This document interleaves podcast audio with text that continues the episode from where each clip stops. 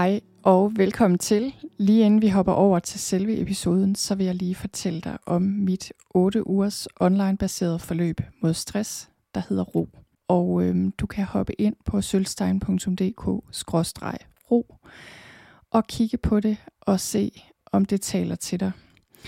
Og øhm, ro er lavet til dig, der er sygemeldt med stress, eller føler, du er tæt på, måske at skulle sygemelde dig, eller bare generelt føler, at du er meget stresset, udmattet, at du har alt for travlt, at du er overvældet. Måske føler du, du har masser af tankemøller og har svært ved at sove. Måske har du svært ved at koncentrere dig, føler dig anspændt, urolig, træt, energiforladt. Altså stress er jo et meget vidt begreb, og ro er et forløb, der hjælper dig på et grundlæggende plan med at få mere ro i krop og sind. Så hop ind og tjek det ud. Se, hvad tidligere deltagere siger om det. Se, hvad det består af. Ro er et forløb, som består af forskellige elementer, og som du kan tilpasse alt efter, hvilken situation du er i lige nu. Det er et forløb, du tager hjemmefra. Det er online baseret. Jeg er der til stede personligt. Man kan ringe til mig vi har live-sessioner, hvor man kan stille spørgsmål.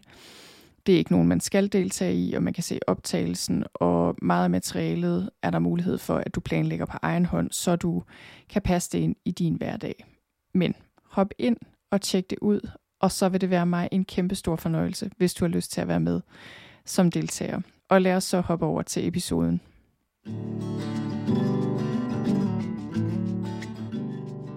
Du lytter til Psykologen i Øret, episode nummer 223. Velkommen til Psykologen i Øret. Jeg er psykologen Birgitte Sølstein, og Øret, det er dit. Keep surprising me Whatever right or wrong Bring it on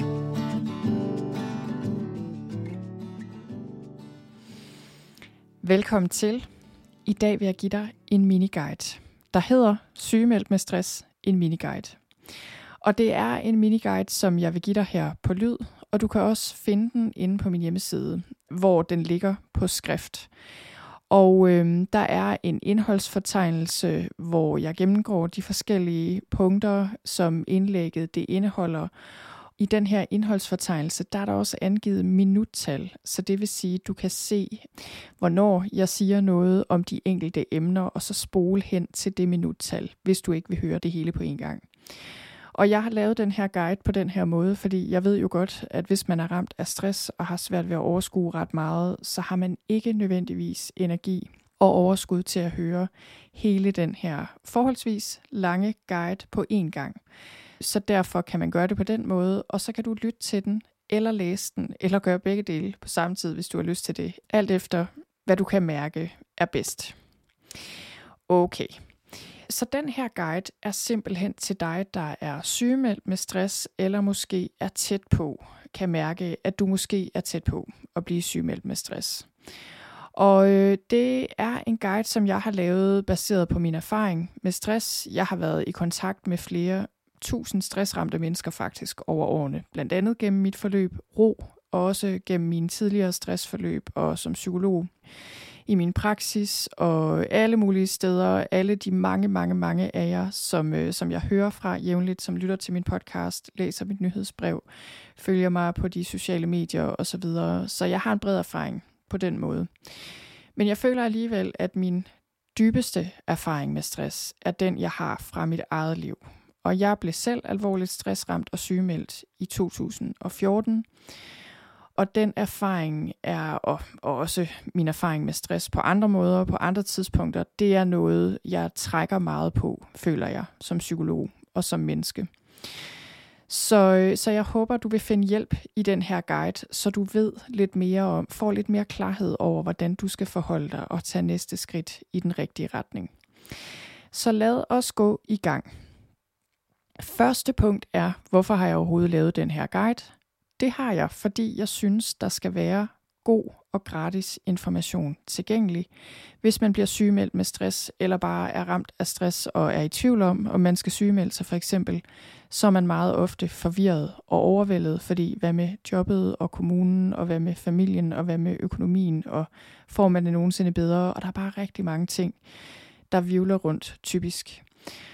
Og da jeg selv blev ramt af stress i alvorlig grad og havde det rigtig skidt, og, og da jeg begyndte at få det bedre, så lovede jeg mig selv, at når jeg fik det bedre, så ville jeg lave øh, en guide, så ville jeg gøre viden tilgængelig, der ville gøre det nemmere at navigere i en svær situation.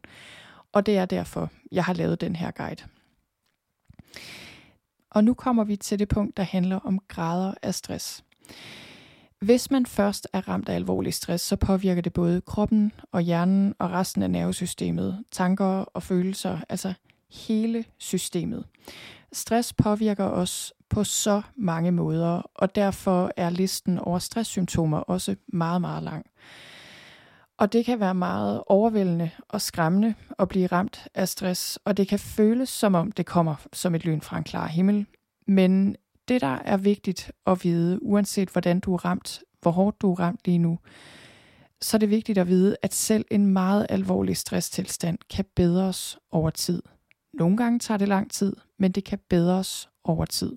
Og jeg kommer ikke så meget ind på årsagerne til stress i den her miniguide, men jeg har lavet en podcast episode og et blogindlæg om årsagerne til stress, som du kan finde inde på min hjemmeside, og som jeg også linker til i den skriftlige version af den her miniguide. Men stress findes i mange grader og former, og det kan være gavnligt at dele stress op i forskellige grader, selvom det selvfølgelig vil være nogle lidt kunstige skæld, fordi der er en glidende overgang.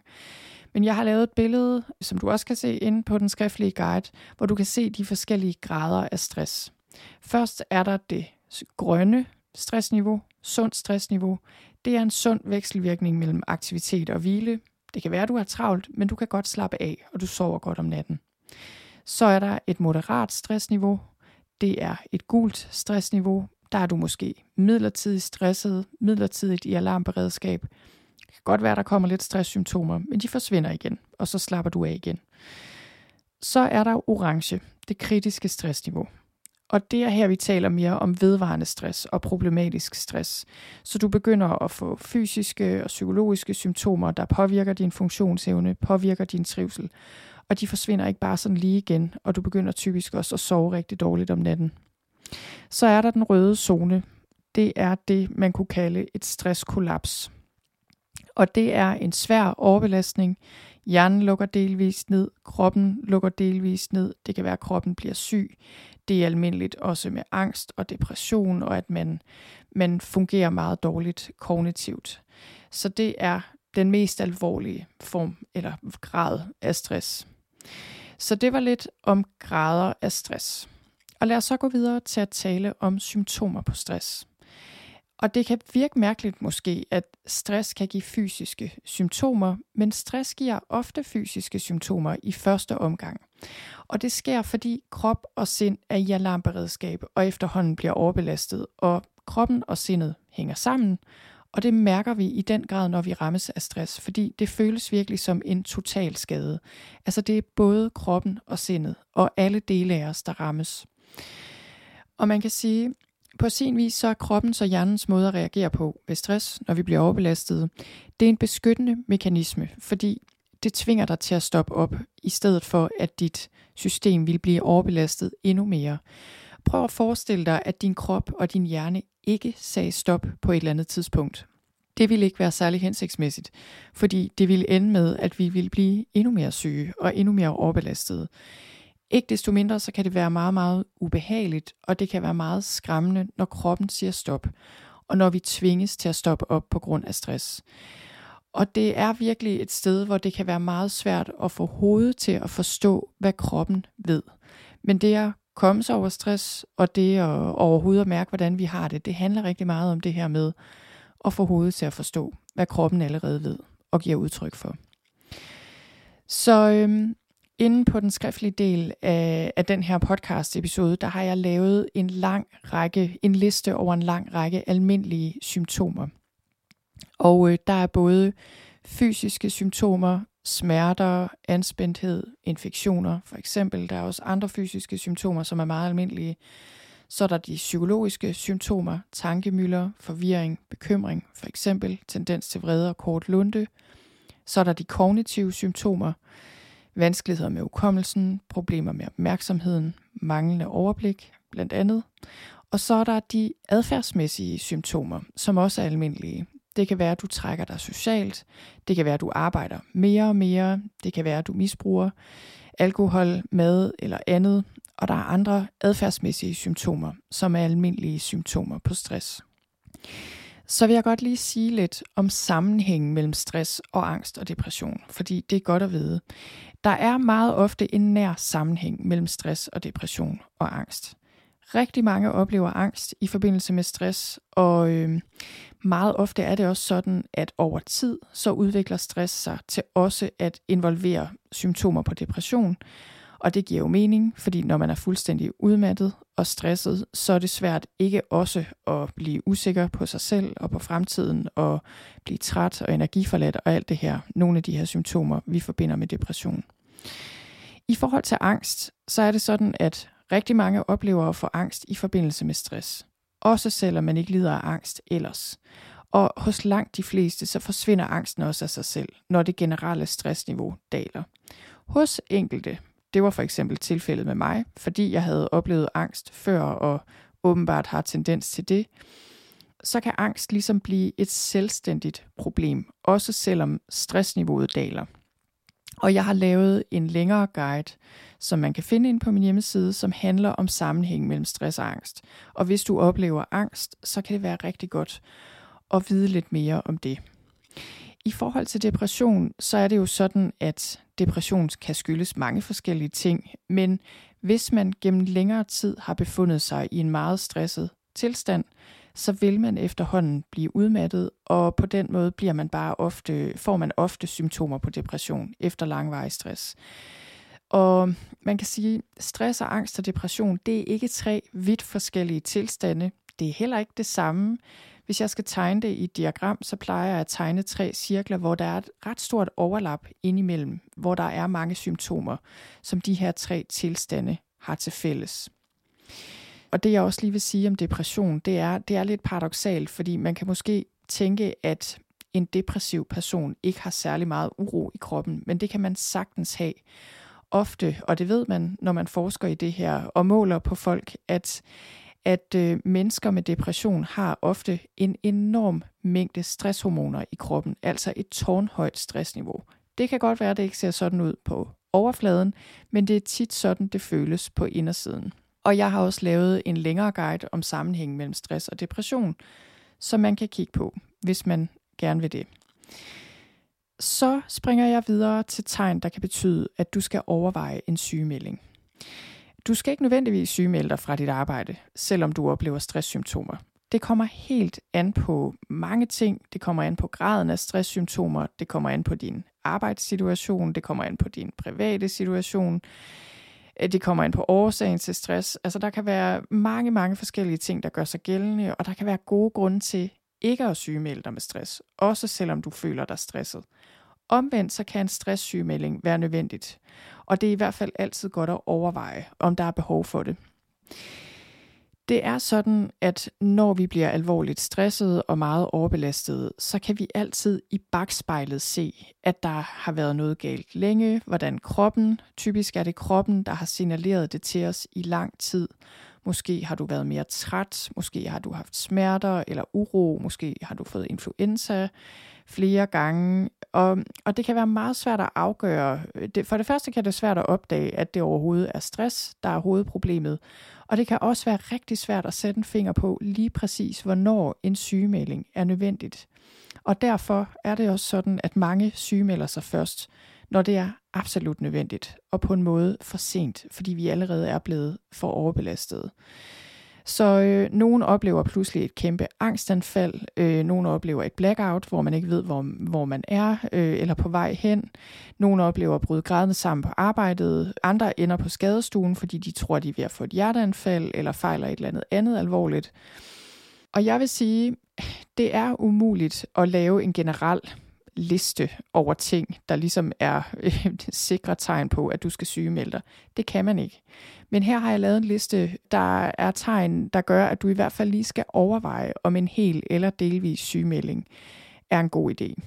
Den første ting er, hvis du har svært ved at huske helt basale ting, måske navne, hvordan du staver noget, at ting hele tiden glipper i din kalender, måske kan du slet ikke overskue dine arbejdsopgaver. Anden ting er, hvis du får det meget dårligt, når du møder på arbejde, eller for eksempel åbner din mail. Næste ting er, hvis du har mistet evnen til at slappe af i kroppen og har konstant tankemøller og ikke kan sove om natten, og at det har været sådan igennem en længere periode. Næste ting er, at du er totalt udmattet og overhovedet ikke har nogen energi til overs. Næste ting er, at du kan se, at du, fordi du er stresset, arbejder konstant og ligesom prøver at komme stress til livs på den måde, og nedprioriterer andre vigtigere ting i dit liv, som for eksempel dit eget helbred, øh, din nattesøvn eller din familie. Og den sidste ting, jeg vil nævne her, at hvis du har stressbetingede problemer med for eksempel maven, bevægeapparatet eller hjertet, altså at din krop virkelig taler med tydelige bogstaver og prøver at fortælle dig, at der er noget galt, så, øh, så kan det også være, at du skal sygemelde dig, eller i hvert fald tage stilling til, at du kan være meget stresset. Og det er bare sådan, at hvis du først har alvorlige og langvarige symptomer på stress, så er det ikke nødvendigvis nok bare at gå ned i tid eller prøve at få bedre vaner i fritiden. Det er altid en god idé at prøve, men der kan være behov for en sygemelding. Der kan være behov for en pause. Og, og hvis du er i tvivl om, om du skal sygemelde dig, så tal med en, du har tillid til, en, der kender dig, en, der har erfaring med stress. Det kan være din læge, det kan være din ægtefælle, en kollega, øh, det kan være hvem som helst. En, du har tillid til. Og, og så, så vil jeg virkelig anbefale dig at lytte grundigt til, hvad de siger, og ikke hvad din indre stressede hjerne siger til dig, øh, fordi det er ikke sikkert, at det, den siger, er særlig klogt lige i det øjeblik. Desværre er det sådan, at når vi bliver meget hårdt ramt af stress, så kommer vi helt ud af kontakt med vores egen indre GPS, vil jeg kalde det, altså vores egen fornemmelse for, i hvilken retning vi skal gå, og hvordan vi passer på os selv. Og, og vi kan virkelig tage meget, meget dårlige beslutninger, hvis vi først for alvor er meget stressede. Og derfor kan det altså være rigtig godt at lytte til andre end dig selv i den situation. Okay, så hopper vi videre til at tale om, hvor længe en sygemelding varer, en stresssygemelding. Og igen, stress findes i mange former og mange grader, og det stress kan vare lige fra et par dage til et par uger, til flere måneder eller endda år, hvis det er meget voldsomt. Og alle forløb er forskellige, men jeg vil sige, som hovedregel tager det længere tid, end man tror, og længere tid, end man har lyst til. Hvis jeg skulle sige noget som helst standard, hvilket man ikke rigtig kan, men, men hvis jeg alligevel skulle, fordi nu har jeg efterhånden haft så mange deltagere igennem på min stressforløb og set så mange mennesker, at jeg synes, jeg har en fornemmelse af, at en, en typisk stresssygemelding, hvis man er hårdt ramt, ikke ekstremt hårdt ramt, øh, men ret hårdt ramt, så vil jeg sige, så er det meget almindeligt, den varer 3-4 måneder, hvor man eventuelt begynder at arbejde delvist i slutningen af den sygemelding. Det er ikke ualmindeligt. Det kan sagtens tage længere tid, og det kan også tage kortere tid. Men 3-4 måneder, det, øh, det er i hvert fald almindeligt. Ting, der kan forlænge en sygemelding, det er selvfølgelig, hvis du øh, er meget hårdt ramt, og hvis du har været meget overbelastet.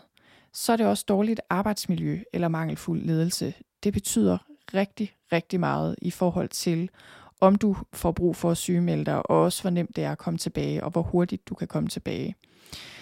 Noget andet, der kan forlænge din sygemelding, det er, hvis din arbejdsplads ikke har erfaring med en god tilbagevenden efter stress. Det kan gøre, at det kan være svært at komme tilbage.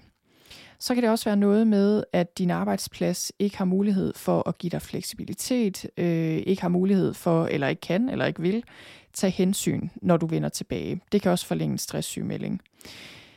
Så er der selvfølgelig det, du selv foretager dig under din stresssygemelding. Det har også en stor betydning det kan være vaner, der øger stress og øger dårlig trivsel. Måske drikker du for meget, øh, måske sætter du dig ind for en Netflix i ugevis øh, til et punkt, hvor det ikke er hensigtsmæssigt. Det kan være, at du øh, spiser meget usundt. Altså der kan være forskellige ting. der gør, at, øh, at du ikke får det bedre, men tværtimod får det værre. Så øh, kan sådan noget som angst og depression også ofte optræde ved stress, som jeg lige har sagt, og det er noget af det, der kan gøre, at en stresssygemelding kan trække ud, og at det kan blive svært at vende tilbage. Så er det også sådan, hvis du ikke får hjælp og vejledning under din sygemelding, så kan det også forlænge din sygemelding unødigt. Og det, jeg vil kalde indre stress, kan forlænge en sygemelding, altså bekymringer og selvkritik og skam især, er noget, der kan betyde, at det, det kan være svært at komme tilbage. Selvfølgelig, hvis du mister dit arbejde og ikke har noget at vende tilbage til, så er det også noget af det, der kan gøre det svært. Og så vil jeg også sige, at hvis sygemeldingen bliver for lang, så kan det også være svært at vende tilbage. Så det er virkelig en kunst, det der med at have en sygemelding, der ikke er for kort og heller ikke er for lang. Til gengæld er der jo så ting, der også kan forkorte en sygemelding. Og det er, hvis du er stoppet op i tide, og overbelastningen ikke er så stor. Eller hvis andre har hjulpet dig med det. God ledelse omkring tilbagevenden efter sygemelding. Et trygt arbejdsmiljø betyder rigtig meget. Og hvis du har mulighed for gradvis tilbagevenden, altså med hensyn til timetal måske, men også i forhold til arbejdsopgaver, at din arbejdsplads hjælper dig med at fjerne eller reducere det, der har stresset i det omfang, det er muligt, at du får den rigtige hjælp fra en læge, psykolog, pårørende, arbejdsplads, hvem det nu kan være, at du har gode vaner under din sygemelding, som skaber mere ro og nedbringer stress. Og øh, jeg sagde lige før i forhold til det, der kan forlænge en sygemelding. Det, der virkelig også kan forkorte en sygemelding, det er øh, indre omsorg, vil jeg nærmest kalde det. Indre ro. Altså at du virkelig arbejder, man kunne nærmest kalde det dit indre arbejdsmiljø, det kalder jeg det nogle gange. Din relation til dig selv, den er simpelthen så vigtig. Og det er også vigtigt for mig at sige, at det her handler ikke om, at vi skal forkorte en sygemelding så meget som muligt. En stresssygemelding tager den tid, den tager. Men der er ting, vi kan gøre, så den ikke bliver for lang. Og det her var nogle af dem, og, øh, og ja, som sagt, som jeg også sagde, det her med at starte op på det rigtige tidspunkt. Ikke for tidligt og ikke for sent. Og øhm, det er virkelig, der er mange paradoxer i det her, fordi jeg føler, at kunsten på mange måder er at give slip på ønsket om at få det bedre meget, meget hurtigt, fordi det kan ikke nødvendigvis lade sig gøre, ikke hvis du har været meget overbelastet og virkelig have noget tålmodighed og omsorg for dig selv. Og paradoxalt nok, så gør det, at du hurtigere kommer der som regel, end du ellers ville, hvis du har masser af skam og selvkritik. Men det er ikke en proces, der kan forceres eller fremskyndes. Noget af det, der hjælper folk allermest, det har jeg set igen og igen og igen.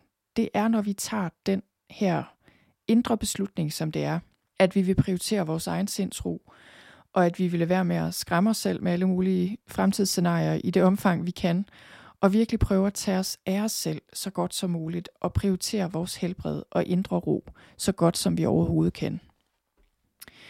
Så springer vi videre til lidt omkring det her med, hvorfor selve det at være sygemeldt kan være stressende. Fordi det kan det, og det er jo også paradoxalt, og det kan der være forskellige årsager til. Men øh, nu riser jeg lige et par scenarier op her, og så kan det være, at der er noget, du kan genkende. Lad os sige, at du er ramt af stress på grund af for meget arbejde. Det kan være for komplekse arbejdsopgaver. Det kan også være, at du har manglet grænser mellem arbejde og fritid. I hvert fald har du arbejdet for meget, og det har været for belastende. Og problemet kan være, at det at sygemelde dig ikke ændrer det helt store, fordi du bliver stresset over alt det, du ikke når, og du formår måske ikke rigtigt at være sygemeldt helt, fordi du kan ikke lade være med at tjekke din mail, eller følge op på arbejdsopgaver, øh, fordi det stresser dig endnu mere at lade det ligge. Så på den måde, så kan det være super stressende at være sygemeldt, og ligesom stressende ikke at arbejde.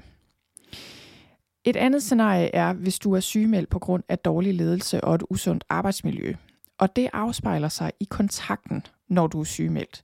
Så det kan være, at din leder mailer eller ringer i tid og utid måske, men det kan også være, at når vedkommende ringer, så er der sådan mellem linjerne øh, en utilfredshed over, at du er sygemeldt, og måske bebrejdelser og kritik, og de spørger hele tiden om, hvornår du kommer tilbage, og kan ikke forstå, at du er sygemeldt osv. Og der kan være forskellige ting på grund af dårlig ledelse eller et usundt arbejdsmiljø, der gør det rigtig svært at vende tilbage, fordi du ikke føler dig godt tilpas, og der ikke er det, man i psykologien kalder psychological safety, altså et trygt miljø.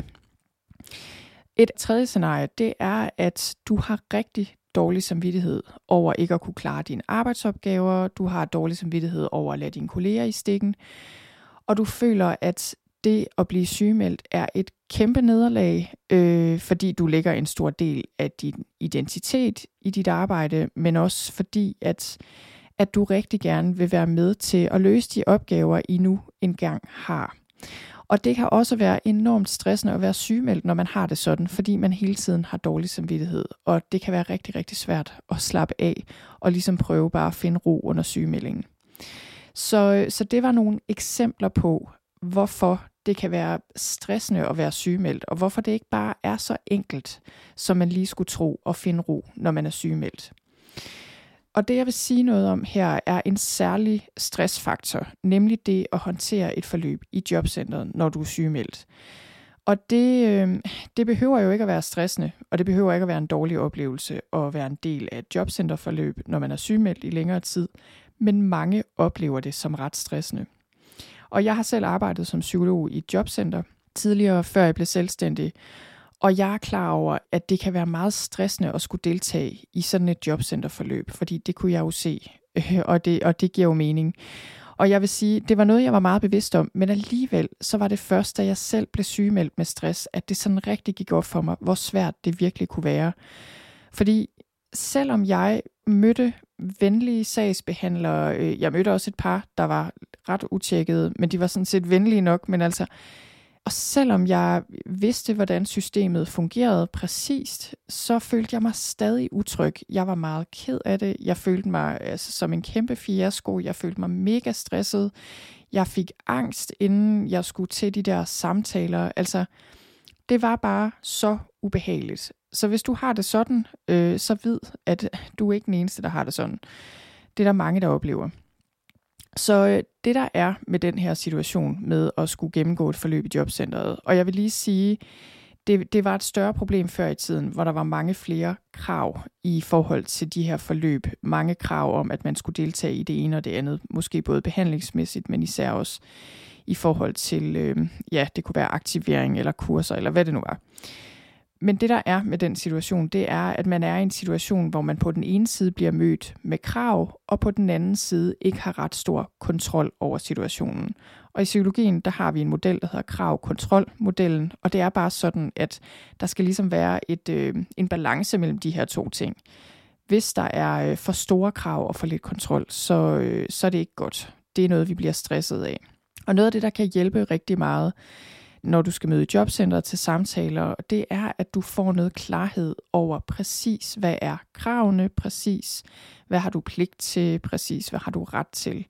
Og minder dig selv om, at du har mulighed for at sige til og fra i forhold til de her tiltag. Og husk på, at i bund og grund så handler de her forløb om at hjælpe dig. Det er noget, der gerne skulle hjælpe dig til at få det bedre, til at kunne melde dig rask til dit arbejde eller komme videre i systemet på en eller anden måde. Og, øh, og det synes jeg er rigtig vigtigt at vide, fordi det er ikke altid sådan, det føles. Heldigvis er der rigtig mange, der også har gode oplevelser med de her forløb. Men øhm, det du eventuelt kan gøre, det er at tage en pårørende med til møder, hvis du oplever dem som ubehagelige, også så du har en, der kan hjælpe dig med at huske, hvad der overhovedet blev sagt og hvad der blev aftalt. Og husk på, at igen, jobcentret er der som udgangspunkt for at hjælpe dig nærmere en raskmelding, eller afklare, om du skal overgå til en eller anden anden ydelse for eksempel. Men det er jo også sådan øh, desværre, at det offentlige ikke har uanede ressourcer, og derfor har det offentlige en interesse i selvfølgelig, at borgere er sygemeldt så kort tid som muligt. Det er ikke fordi, det er onde mennesker. Det er simpelthen sådan, systemet er skruet sammen. Det kan føles som et voldsomt pres, men jeg føler, at det hjælper meget at skelne mellem systemet og så de mennesker, der arbejder med at administrere det system så godt som de kan.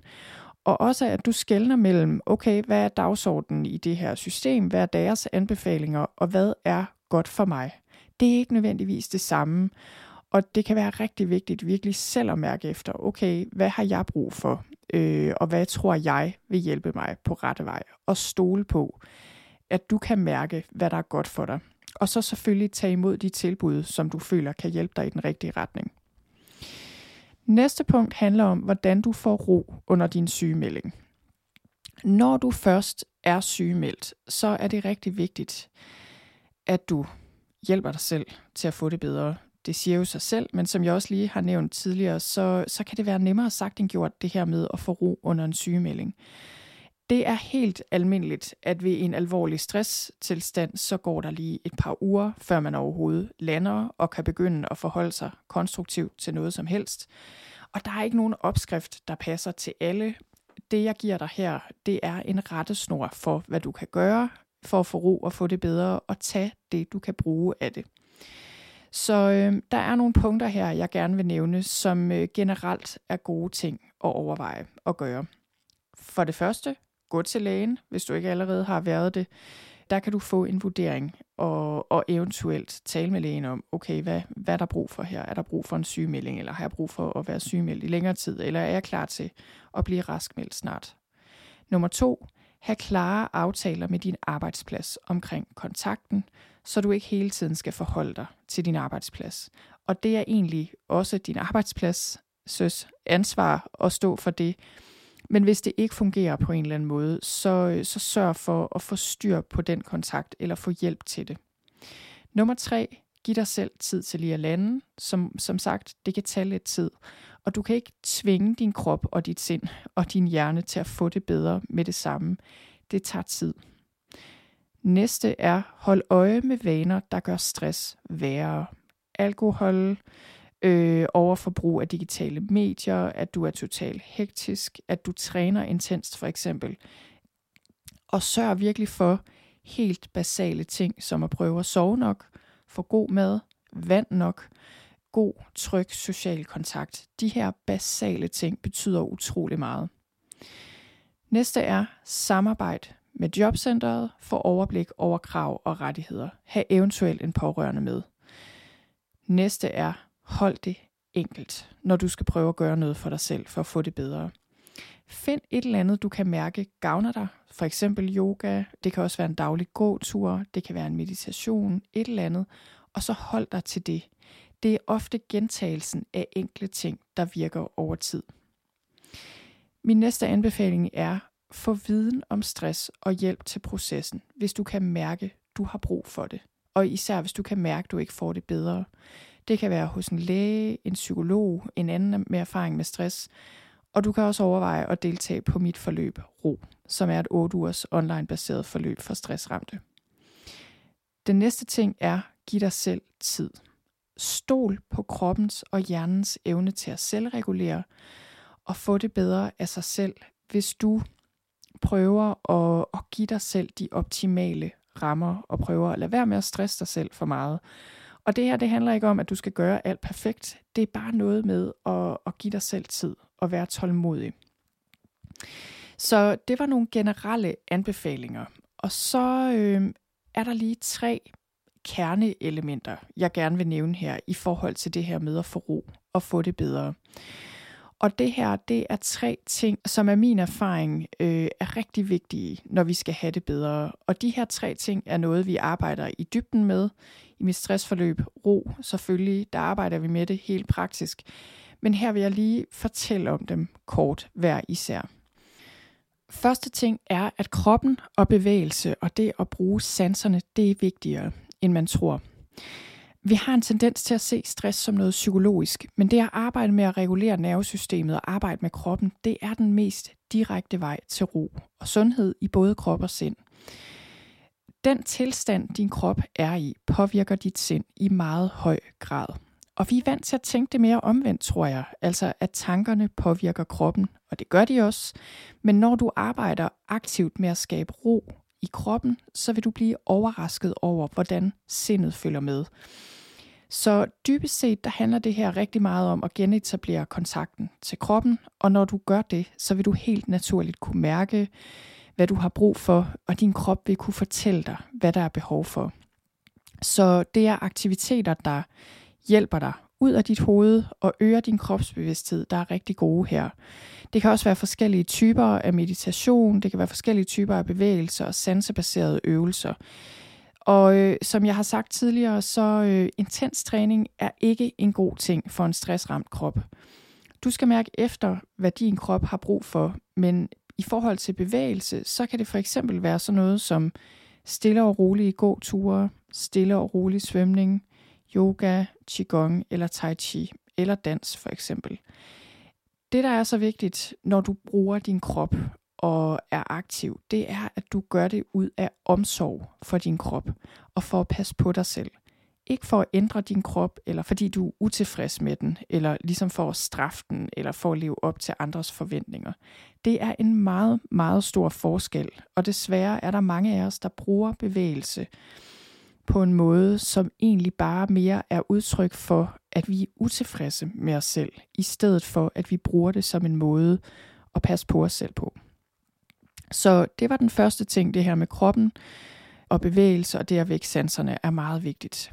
Nummer to er, at tanker kan skabe konstant indre stress, også når du er sygemeldt. Og hvis man selv er sygemeldt og har oplevet, hvor stressende det kan være, så kan man jo også skrive under på, at det er ikke nok bare at blive sygemeldt nødvendigvis. Og man kan have nok så rolige ydre omstændigheder. Det kan være, at du sidder øh, på din terrasse i din have, eller hvad ved jeg, et eller andet sted, hvor der bare er meget roligt. Men alligevel har du masser af stress. Og det er som regel på grund af mængden af de tanker, du har i dit sind, og arten af de tanker, altså hvad det er for nogle tanker. Hvis dine tanker er, hvis der er mange af dem, og hvis de er præget af bekymringer og selvkritik og frygt og skam, så vil det sende dit system i alarmberedskab. Og hvis du holder øje med dine tanker, så vil du hurtigt opdage, at en stor del af tiden, så befinder du dig alle mulige andre steder end lige nu og her, fordi du er kabret af dine tanker. Og det at kunne træde et skridt tilbage og få frihed fra vores tanker, ikke at de forsvinder, fordi det gør de sjældent, særlig længere gangen, men mere det her med at kunne få noget frihed fra tankerne, så vi ikke bliver kabret af dem. Det er utrolig vigtigt, når vi skal have ro. Og gode måder at træne nærvær på er øh, meditation, selvfølgelig, hvor du lærer at give slip på dine tanker. Det at gøre én ting ad gangen, og det er også at gøre ting langsomt, kan også være en god måde at gøre det på. Det at lave ting med dine hænder, kan også få tankerne til at falde til ro. Det kan også være bevægelsesformer, hvor der er fokus på nærvær. Det at opholde dig i naturen. Og en sidste ting, jeg også lige vil nævne, er det at skrive dine tanker ned. Det er i hvert fald noget, der virker for mig ofte. Det her det er eksempler på ting, der, øh, der hjælper dig med at, at få øh, ro i sindet, men også at få lidt afstand til dine tanker. Den tredje ting er, at indre venlighed er nøglen til at skabe indre ro som jeg har sagt tidligere, så, der, så er der ikke nogen opskrift, der passer til alle, og der er ikke nogen enkel teknik eller en metode, som alle bare kan bruge, og så forsvinder stress med det samme for alle, desværre. Men hvis jeg alligevel skulle nævne én ting, der er helt grundlæggende og nødvendig for alle, så er det indre venlighed og omsorg over for dig selv. Og i psykologien, der kalder vi det mindful self-compassion. Det er i hvert fald et af de begreber, man bruger om det. Og min erfaring er, at det skal man praktisere. Og det er svært. Mange af os er ikke specielt venlige eller kærlige over for os selv indeni. Den måde, vi taler til os selv på indeni og tænker om os selv, og den måde, vi stresser os selv med vores tanker, er ikke specielt venlig over for os selv. Men det er noget, man kan blive bedre til. Og min erfaring er, at det kan, det kan virkelig gøre en stor forskel. Det kan skabe en meget stor forandring på ret kort tid når vi bliver mere venlige og omsorgsfulde over for os selv. Og jeg, øh, jeg føler, at det er her, jeg tit ser øh, både hvad mig selv angår, men også andre. Det er tit her, jeg ser de psykologiske gennembrud komme, når vi begynder at forstå og virkelig praktisere den her indre venlighed og omsorg over for os selv. Og det er ikke noget, man kan snyde med. Det, det er ikke noget med, at vi bare sådan kan sige til os selv i spejlet, at nu er vi venlige og kærlige over for os selv, hvis vi ikke er det, fordi så virker det ikke. Det virker kun, når du virkelig mener det. Så det handler om, hvordan du taler til dig selv, hvad du siger til dig selv, ind i dig selv. Det handler om at passe på dig selv, give dig selv næring nok, hvile, omsorg, bevæge dig nok og på den rigtige måde. Ikke for at opnå anerkendelse, egentlig heller ikke for at opnå forandring, men simpelthen bare ud af omsorg over for dig selv. Og igen, for mange af os er det her utrolig svært, og det er ikke noget med, at så lærer vi det, og så er det bare det. Altså for mange af os er det noget, vi skal blive ved med at praktisere livet igennem. Men heldigvis, så kan selve det, altså selve intentionen om at blive bedre til det her, kan gøre en meget, meget stor forskel. Og det er noget, vi kan blive bedre til over tid. Så, så det var den tredje ting, øh, eller det tredje kerneelement, det her med indre venlighed.